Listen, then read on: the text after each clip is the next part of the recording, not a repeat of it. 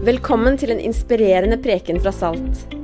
På salt.co kan du lese om når og hvor vi møtes til gudstjenester i Bergen, Trondheim og Skien, og hvordan du kan koble deg på kirka. Øystein Gjerme har nylig gitt ut boka Vi vil. Den handler om bevegelsen Jesus startet, og som vi kan være med på. Boka er full av inspirerende fortellinger om hvordan menneskers liv er blitt forvandlet når de oppdager det livet Gud kaller oss til. Sjekk salt.co for mer info. Og nå god lytting. Thank you. Wow, it's a great joy to be here, and I am so much enjoying myself. I love the worship. Uh, just love being part of the Salt family. And uh, I am excited. Uh, actually, bring you greetings from my church, uh, your brothers and sisters, back in Nairobi, Kenya. And our church is called Mavuno Church. And um, so, first of all, the way we bring greetings is I actually have to bring the greetings. So, let me just give them to you. Uh, do you receive the greetings? All right. Do you send me back with greetings to your brothers and sisters? All right. Okay. So I'll be sure that I will take those uh, greetings. I, I'm still trying to get over the fact that your, your, your summer feels very much like our winter. I, I don't get that part. we, we have winter in July. And so we just finished our winter and had two days of nice summer, and then I came, and it feels like I just went back into, uh, into winter. But I love your beautiful city, and I love um, everything that God is doing, uh, everything that I've seen here, uh, everything I've seen at, at, at SALT, uh, the great work that God is doing through the team here. Every single person I've met in your team has just been amazing. And I always say that you can tell the quality of the ministry by the quality of the people in the ministry. And so, Pastor Øystein, I'm just impressed by what God is doing in this church and among you and your team. So I give glory to God. You know, sometimes you need somebody from the outside to come and tell you, this is amazing because you live in it, so you think it's ordinary. But God is doing, I mean, I sent a picture yesterday from the, uh, from the I was going to say from the concert, from the co- conference. And I sent it to my team back home, and they said, Oh, we didn't think you'd find that in Norway. Uh, it feel, feels like a Kenyan worship service. And so it's such a joy. I just really love And I love the theme of this conference, uh, We Will. Uh, that really is a great theme, a great summary of what God wants our response as believers to be you know, that was not always my response. Uh, I, I did not always live that way. Uh, for the, the longest part of my life, I lived where serving God was not my first priority. Uh, you know, growing up, I, I lived for the Kenyan dream. In Nairobi, my city, we have the Kenyan dream. And it's, uh, it's, it's six points it's one spouse, uh, um, uh, it's, it's two children, three bedroom house, four wheel drive car, five acre piece of land, and a six figure salary. And that, that was what I lived for. And I, I wanted to be a rich pharmacist. Uh, growing up, that was my big ambition to be a rich pharmacist. And the emphasis was not on the pharmacist, it was on the rich. Uh, the, the pharmacy was just sort of accidental. One day I was driving to school with my dad uh, in high school. I couldn't decide what I wanted to study uh, in my subjects. And so I just talked with him, and he was driving absent mindedly. He wasn't thinking about me. Uh, and he, I asked him, What's a career where you can make the most money? And my dad said, just absent mindedly, said, My richest friends are pharmacists. Boom. That was my ambition from that point on. And I just lived my whole life. I planned my subjects in school because I wanted to be a rich pharmacist. And uh, when I was in college, I joined a great church, and I was a part of that church. I came, I gave my life to Christ uh, in that church. And, and as I served in that church, uh, it was amazing. I loved it. And so, what I did now, because I was a Christian, I baptized my dream. And so now I wanted to be a rich pharmacist, but I would give a lot of money to missions. So, I mean, it was, it was, a, a Christian dream now. And I, I was excited about my dream. I, I finished my university, and then one day my pastor came and he asked me if I would give a year to serve in the church. Uh, before I went on, in a gap year to serve in the church before I went on to, my, to, my, uh, to do my master's degree. My response to him was, heck no. I mean, rich pharmacist, pastor, nothing in common, right? I don't know about Norway, but in Kenya, those things have nothing to do with each other. Uh, but you know, because I'm a Christian and Christians don't say that to their pastor, I said what I would say to my pastor. I said, Pastor, I will pray about it. Uh, that's, that's what you say to your pastor when you have no intention of doing what he's asking you to do. I had no plan to pray because that was not even in my plan of thing, my thing of uh, my scheme of things to do. But it was interesting because my pastor then asked my girlfriend, uh, whether she would give a year to serve in the church for a year. And without consulting me, she said yes. And I was mad at her because we were, I was planning to ask her to marry me, and we were going to go and do our master's degrees and get rich together and then get married. And then she comes and tells me I'm going to give a year of serving in church. I was so mad at her. So I took a while, I composed myself, and I went back to my pastor. And I said, Pastor, I prayed about it, and I think the Lord is asking me to serve in the church for a year. so that's how I ended up in the church. Now, I, that whole year, people would come every time I spoke. I mean, because he made me speak. Uh, we, we got to do a lot of ministry work, and I got to speak a lot in that year. And every time I spoke, people would come up to me and say something like, Pastor, I was really blessed when you preached. And I didn't mind the part about being blessed, but the thing I didn't like about that phrase was, Pastor, I'm not a pastor. I'm a rich pharmacist in disguise, right? And so, so I was really mad when people said that to me. But you know, it was very interesting uh, because that is one of the ways that God used to bring me into the ministry. And today I'm serving as a pastor. Now, I know you're laughing with me, and I, I know you're not laughing at me, you're laughing with me. Uh, so let me ask you a question. It's your turn to be honest now. How many of you have ever feared that following Jesus might mean him asking you to do something you have no intention of doing? Let me just see, show of hands. Yeah? Oh, wow, there's some. Okay, I see some honest people in the room.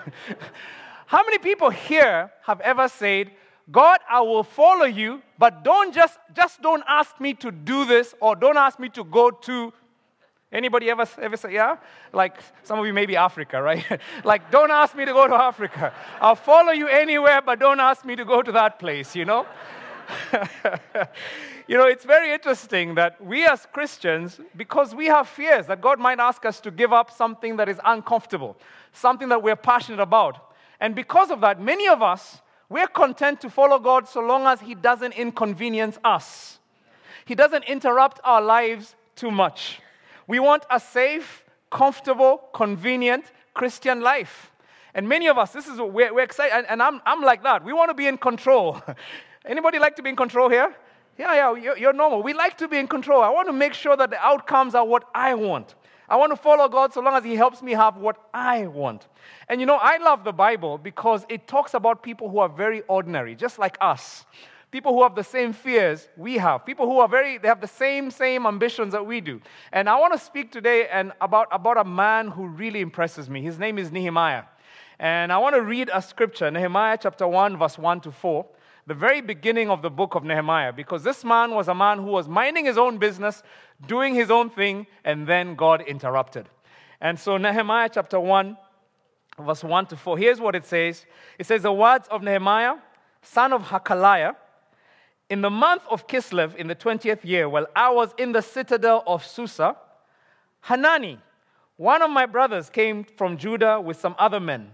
And I questioned them about the Jewish remnant that had survived the exile and also about Jerusalem. And they said to me, Those who survived the exile are back in the province, are in great trouble and disgrace. The wall of Jerusalem is broken down, its gates have been burnt with fire. When I heard these things, I sat down and wept. For some days I moaned and fasted and prayed before the God of heaven. My Father, I pray that as I speak over your people today, that Lord, you would take these words on the paper and make them come alive. Because your word is alive and active. And I pray that, Lord, I'll be able to move out of the way and allow you to speak to your people. I know that you have a word for every single person here. Lord, I bind the enemy who would distract us and keep us from hearing you. And I speak that, Lord, over this hall today, there will be open heavens and you would speak to your people. We love you, Lord. Speak to us in Jesus' name. Amen. Now, one of the things, I think we can, we can surmise a couple of things about Nehemiah just by reading the passage we've read. The first thing is Nehemiah's life was going well. Nehemiah was living a good life, a comfortable life. The Bible tells us this, uh, that he was the cupbearer to the king. What this means is that he was in charge of the king's security. His job was to taste all the food and take all the drink before the king tasted it to make sure that the king's life was safe. So he was basically that Secret Service guy who wears a dark suit and shades and has a little white uh, uh, mouthpiece. And he doesn't smile at all and just looks really grim. And he makes sure that the, the president is, is looked at. You know that guy in the movies? This is who Nehemiah was. And you can imagine for somebody like this, he must have gone through all the security checks in the nation. Uh, he must have been somebody who was extremely trusted. And here's the most amazing thing for a foreigner, for somebody who was an immigrant from another country to be the one who was protecting the king, this was a huge honor. This was a huge achievement. It's like having, imagine, imagine your, your, your, your leader of your country with a Nigerian standing behind him. I mean, that would be kind of weird, isn't it? That, that's what it was, though. This is Nehemiah. He's the cupbearer to the king. And his life was comfortable. I mean, he's the guy who had daily access to the most powerful man in the world. He's the man who uh, traveled with the king's entourage. He sat in in the meetings with world leaders, and he knew what was happening in the kingdom. Nehemiah was a powerful man. He was well connected, and his life was going well. For somebody who was uh, like him uh, to be a foreigner, he must have been wise, he must have been discreet, he must have been trusted, and he must have been a man who was held in very high esteem where he came from. Now, the second thing that you want to note about Nehemiah is that his reality was completely different from the reality of the rest of his people.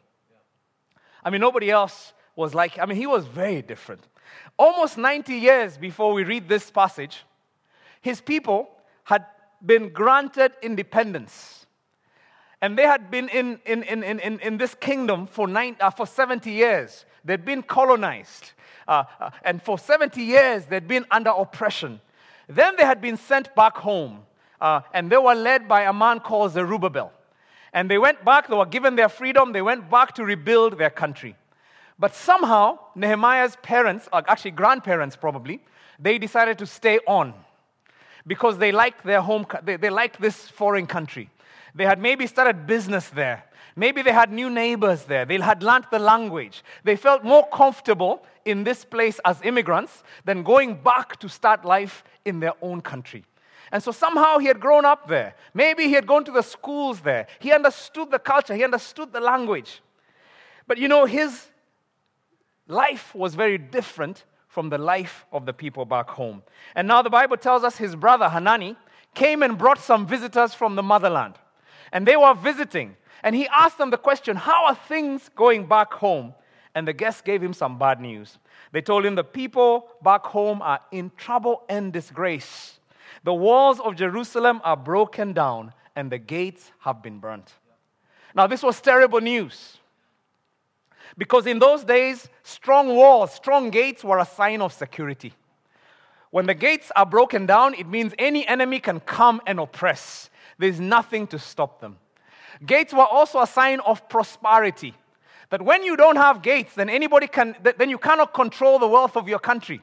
And so people were living in poverty. That's what this meant. And in addition, gates were a sign of dignity. It meant that the people back home have no dignity because they have nothing. They cannot even protect what is theirs. And so he was being told that the reality of his fellow citizens was dire, was terrible. This was bad news. But I want you to note something that this was not Nehemiah's bad news, it was somebody else's bad news. Because his life was going well. He lived in the citadel the citadel was the safest place in the whole empire because his king was the king of the whole world. And so where he lived was safe, was provided for, was protected. This was somebody else who had the problem. It wasn't Nehemiah's bad news. And you know, I think that in some ways, Nehemiah's situation might be similar to many of the people in this room. Why do I say that? Many of us live safe and comfortable Christian lives. Very similar to the lives of the people in my congregation. We are blessed by God. We love serving Him. Our families are enjoying His blessings and His favor. Amen? Amen. We're blessed by God. When you read in the newspapers about secularism and apathy about Jesus in Norway and in the rest of Europe, I'm sure it makes you sad, but it's not your reality. Because you belong to a great church, amen? And, and your family is blessed because you're receiving God. The Holy Spirit is blessing your life. When, when, when you read about lonely people in this culture and, and suicide and, and people just completely desolate, I'm sure you feel concerned, but maybe it's not your reality. Because maybe you have a, a great family. Or maybe at least you you've, you've got a family in the church, you've got a life group, you've got people around you. So, so it may not just be your reality. When you read about the refugee crisis globally, or when you read about poverty in other parts of the world and, and immigrants uh, losing their life on, on the Atlantic, trying to run away from their dire situations, I'm sure you might feel sad for them, but it's not your reality because you live in one of the most prosperous nations in the world. And so you might feel sad, but like Nehemiah, that is somebody else's situation. It's not your situation. And I'm not even saying there's anything wrong with that. I think it's a blessing. It's a blessing to be blessed by God. Amen? We need to rejoice in God's blessings. We need to rejoice in God's blessings. But is it possible that our safe and comfortable Christian lives can keep us dreaming small dreams that have nothing to do with the big kingdom dreams that God created us for?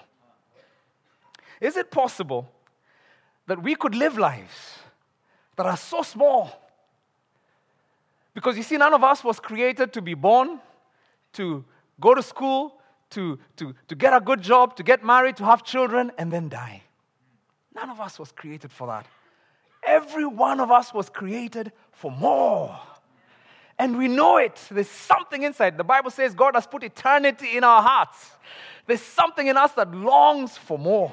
We were created to live for something, a bigger vision than ourselves. And when we are really honest, we know it. There's something that we long for. You know, one of my favorite uh, definitions of vision is by a man called Bill Hybels. And he says, Vision is a picture of the future that elicits passion. Every one of us was created to live for a future that makes us passionate. None of us, you, you know, it, it doesn't matter how much money you have. You know, the only thing, the difference between human beings and animals is that you take any animal, give it enough food, give it mates, give it uh, just a place to roam, and an animal will be happy the rest of his life. You take a human being and give them everything, and they will still be empty. Why?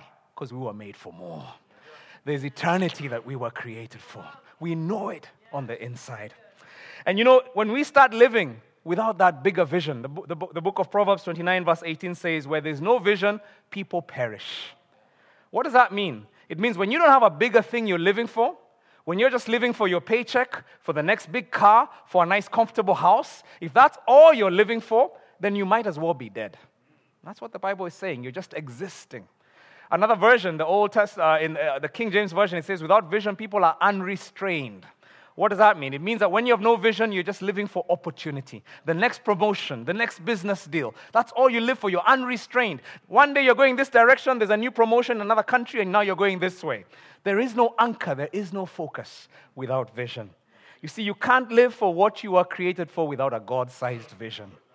And here's the thing I mean, I've, I've come to realize that people, people know this. In, in our culture today, people are getting it. And when I watch uh, uh, even on TV, I see Christian preachers who are trying to talk about this, but sometimes I think they get it wrong. Uh, I remember one popular TV preacher who put it this way We have to conceive it on the inside before we receive it on the outside. He said, If you don't think you can have something good, then you never will, because the barrier is in your mind. And he says, Your own wrong thinking can keep you from God's best. Now, I listened to that and I say, There's something wrong with that picture, because what that preacher was saying is that you have to want it, and then you name it, and then you claim it, and then God gives it to you. That's not Christianity, that's, witch, that's witchcraft. That, it's, it's witchcraft because the Bible says that vision, God vision, doesn't come from us. That vision comes from God. And there's a great scripture that, uh, that, that, that Siga just, just read. I love that scripture, Ephesians chapter 2, verse 10 because it says that we are God's workmanship, created in Christ Jesus to do good works, which God created in advance. Isn't that amazing? That before you were created, the good works for you were created. That none of you is an accident. None of us came here to earth by coincidence. There are good works specific for you that God created, and then He made you. So there's a purpose that predates you, and that's why you're on earth. And when you discover that purpose, you start to really live. I, I, love the fact that Mark Twain, a great, a great writer, he said this that the two most important days in a person's life are the day you're born and the day you discover why. And every one of us was built to discover why we were created so we can actually live. So, why is it that most Christians don't pursue God's vision? Why is it that most Christians are comfortable living a safe life? I'll tell you why. The book of Nehemiah uh, really helps me understand the dangers of pursuing God's vision. Uh, the first thing about when you start to pursue God's vision, number, uh, verse 4 tells us, When I heard this, I sat down and wept. You know, there's several things I see in that, in that, in that, just in that verse. Number one, that God's vision, vision is undignified. Vision is undignified. Um, you know, this guy is the most important security officer. He is living in the citadel. He's the man who spends time with a king. The Bible tells us he hears this news. God's vision enters his heart. What does he do? The Bible says he breaks down and he, he whips. He cries. I mean, this is a security officer. I mean, this is a man's man. I mean, I, I, he, he's the kind of guy who never shows emotion. He stands there and he's been trained. He's gone through all the Army SEAL training. I mean, he knows how to handle everything. And the Bible tells us he does what? He just breaks down and cries. He's undignified in front of the visitors. You know, the interesting thing about God's vision, when it grabs your heart, you will not be able to control yourself. You're going to start doing things that are just completely undignified. You're going to start doing things that are the opposite of what other people are doing. God will lead you into places that nobody else is going into. God will lead you into dreaming dreams that nobody else is dreaming. God will lead you into saying things that people think you must be out of your mind. Nobody thinks like that. None of your neighbors thinks like that. God will lead you into making sacrifices that nobody else is thinking of making. Because vision is undignified. And sometimes we don't want that vision because it makes us undignified. Another thing I see from Nehemiah is that vision is inconvenient. Vision is inconvenient. You know, his career was probably well planned. For this immigrant to be where he was, he must have planned this for years. He must have worked all his life to get to this place, the pinnacle of success. And now, because of this, maybe one of the reasons he's weeping is he knows this could all go away. Everything I've been working for, my, my goodness, God could be asking me to just throw that all away because there's a bigger thing to live for. And you know, vision, God's vision, here's the bad news it can be inconvenient.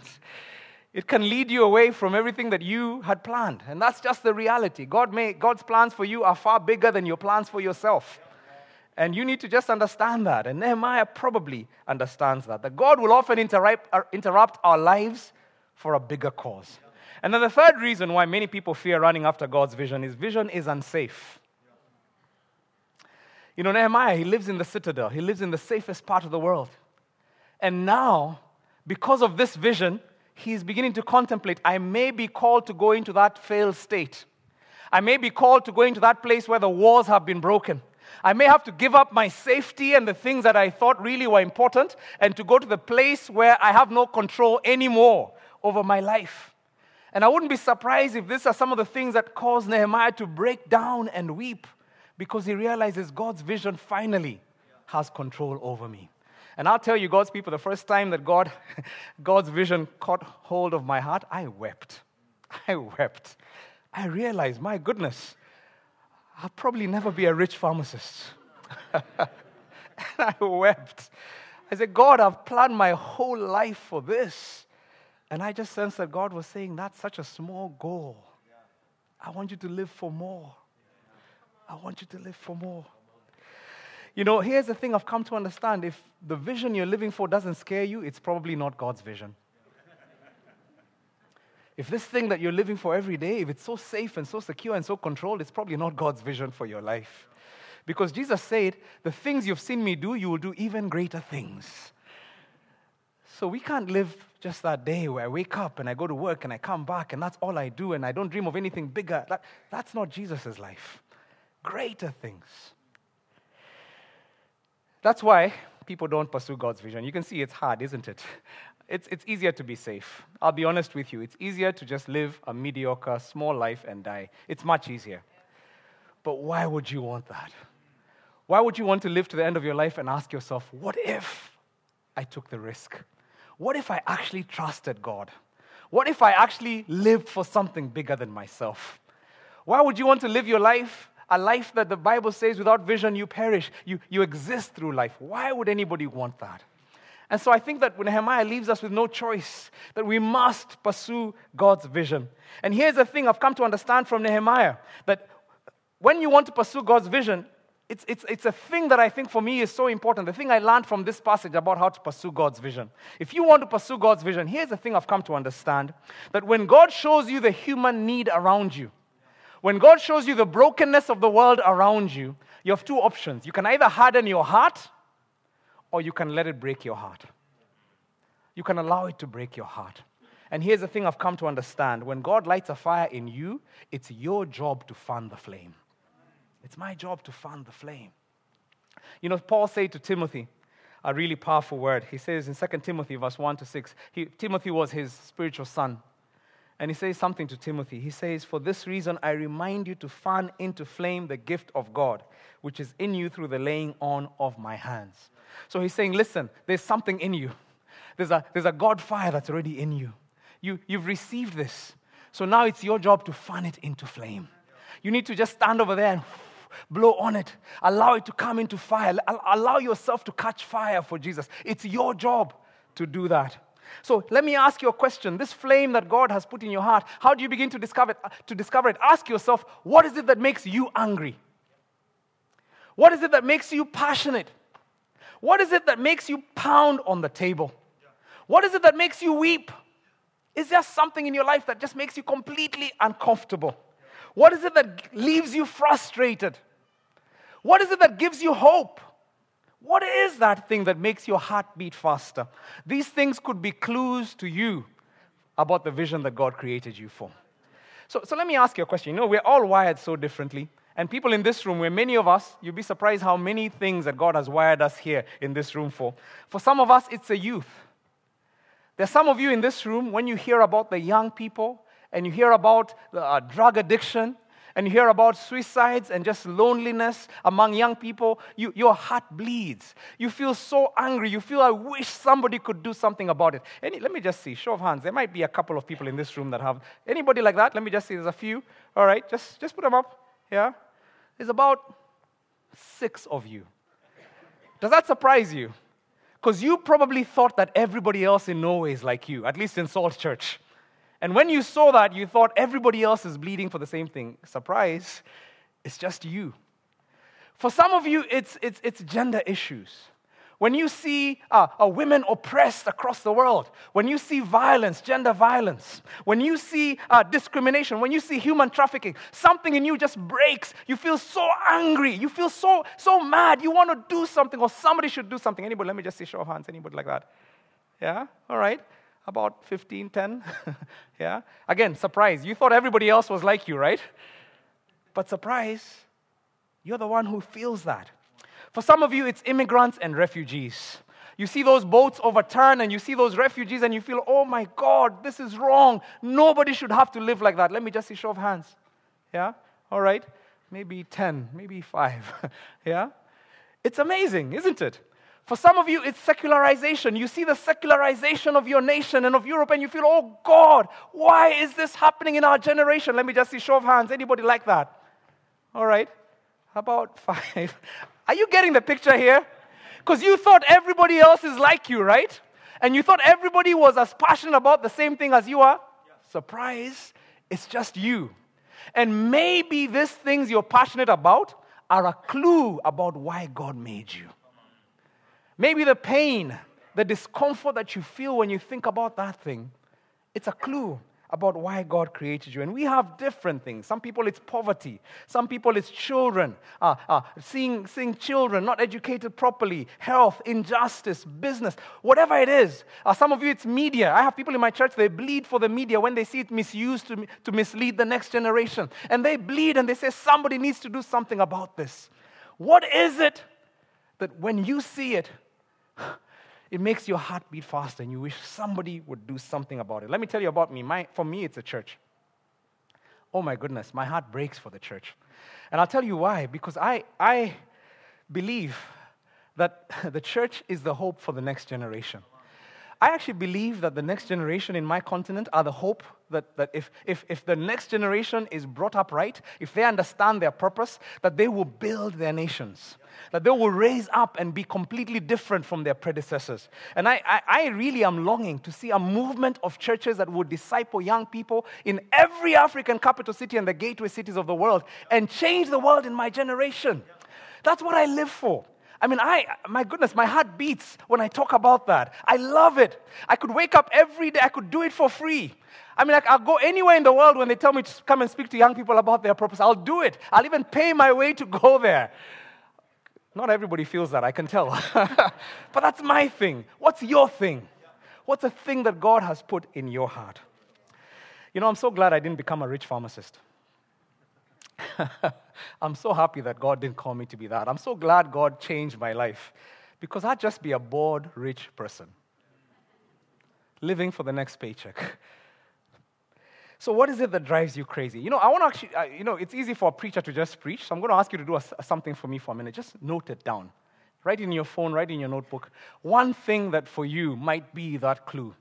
One area that you're passionate about or you get mad about. Just, just write it down. If, try and think, just, just push yourself to think. What is one thing that for you might be it? What is that area? Some of you, it's football. That's okay, put it down. Maybe God is calling you to, to use football to disciple some young people. I don't know. But what is it that for you is just your passion? The thing you're excited about, the thing that just drives you crazy. Just write that down. This is what it means to be human, that God created us to have passion for something. And so here's the thing it's my job to fan the flame. And I want to say this to you that when God gives you the burden, don't starve it, feed it. Feed that fire. Fan the fire into flame. When you notice something that drives you crazy, don't ignore it. Expose yourself to it. Do research in it. When you see something on TV that just makes you go so mad, don't switch the channel. Let it watch it and let God break your heart with those things that you are seeing. Begin to pray a dangerous prayer for yourself. God, break my heart with the things that break your heart. Because when you begin to pray that prayer, it's a dangerous prayer. But oh my goodness, it begins to open up your life into the reason why you were created. Let your burden shatter you. Let God use it to soften your heart.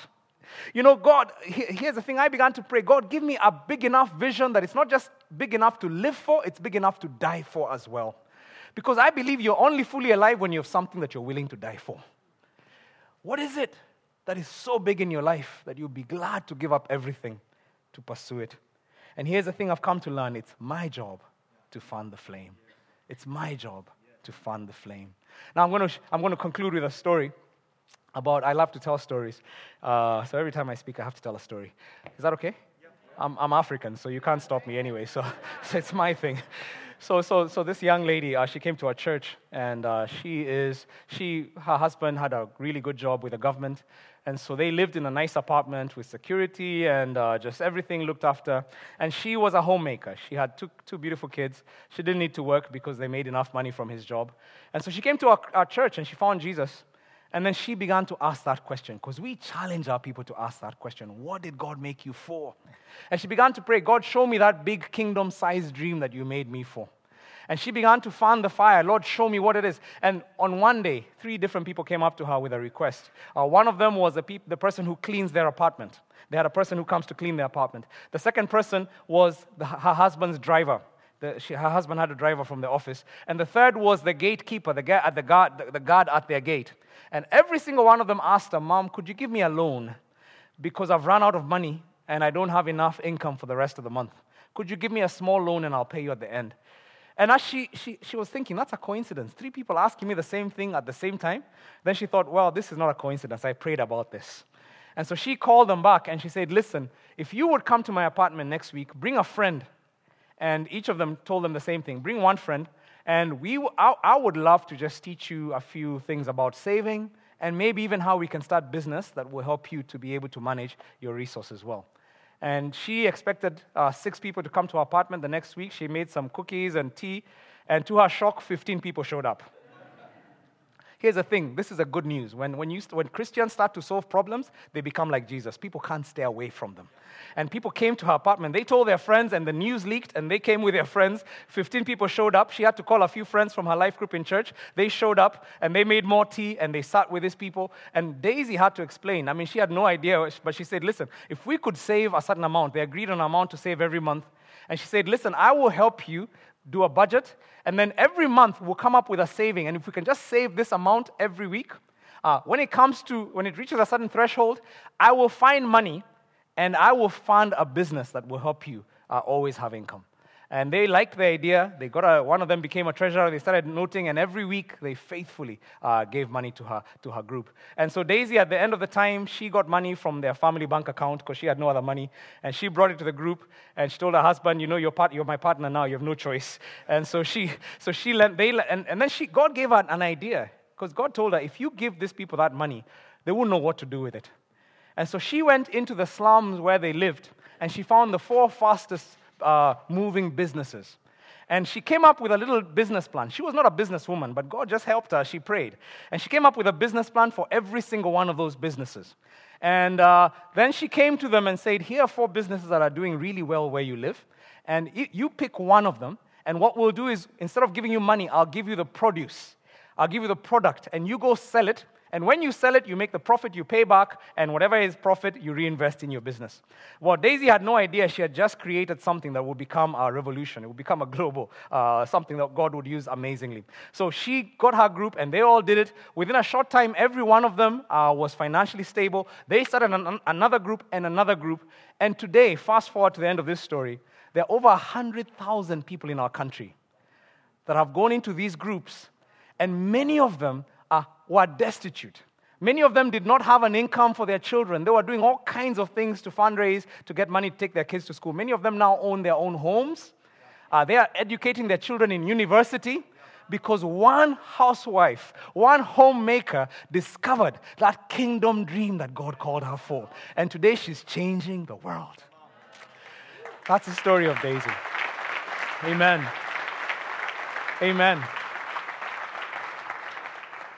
So, what is that fire that God has already put in your heart? It's your job to fan it into flame. Imagine with me a group of people who don't play by the rules. Imagine with me a group of people who are doing something opposite of what all their neighbors are doing, willing to give it all up for the sake of a bigger cause. Imagine with me a group of people who wake up every morning excited about their work, excited about the thing God has called them to. Not saying, oh God, it's Monday, but saying, thank God it's Monday. Imagine being part of a group of people like that. Imagine a group of people who are living for something so big that they're willing not just to live for it, but to give up their lives for it because it causes them to feel alive every day. Imagine that this is the kind of life that God created you for. I believe that this is the life God created every single person in this room for. I want to conclude, and I want to conclude in prayer. And I want to pray for three groups of people. Now, in my next couple of talks, I'll be continuing the story of Nehemiah. Because I believe there's some powerful, powerful truths here about how to catch God's vision for your life and what to do with it as you begin to catch it. But I want to conclude in prayer right now. I want to pray for three groups of people. The first group of people are people who know because I believe that God is in this church. I, I, I know He's here. The Holy Spirit is here. I, he was here before I came in. And I, I came in, I recognized Him. I said, You're here already. you know? So He's already speaking in this place. And I know there are some of you that God has already told you what He wants you to do, or He's begun to show you, and you've been scared. You've said, Lord, if I do this, how will I provide for myself? Lord, if I do this, my, my lifestyle might be threatened. You've given him all kind, or Lord, I'm not ready, I'm too young, I'm too old, I'm, whatever it is you've said to him. And I believe that the Holy Spirit is here and he's saying, Today is the day that you come and you just surrender that to me. And you allow me to shape into you what I created you for. So that's the first group of people. Second group of people, there are people here who are hearing this message for the first time, and something in your life is beginning to just catch a fire right now. And you don't even know why God created you, but you're saying, I want to, I want that life. That life you're describing, I want to live for something like that. And you know, God says, you know, just if you seek me, you will find me. If you seek me with all your heart. And I want to challenge you today, if this is you, that you're going to begin to hold on to God. Uh, that's what I did. I, I said, God, I'm not going to let you go until you bless me. And start to hold on to God, and He's going to show you why He created you for. And if you're here, I want to pray for you as well. And then the last group, there's some people here who may not have given your life to Jesus. Or maybe you did, but right now you're not walking with Him. And when you think back to your life, you're living sort of like just a, almost a cultural Christianity. You're not really full of the fire of the Holy Spirit. That's not, that's, you're not following Jesus right now. You're just sort of living the motions for some reason or the other. And as you heard this preacher from Africa speaking, you're thinking, I, Lord, I would love to. I know now why I need to follow you fully. And you'd like to recommit your life to following him. So I'm going to pray for you as well. So if we could just come before the Lord. Lord, I thank you for your people in this room. I thank you because, Lord, you have such powerful plans for every one of us plans to prosper us, not to harm us. That, Lord, you're not calling us into a dry and dead religion, but you're calling us into a life that is full of life. You came that we may have life and have it to the full. This is why you came. And Lord, I thank you because everybody hearing this word, they are recognizing, their spirit is testifying that it's not a preacher they are hearing, that they are hearing their Father speaking to them.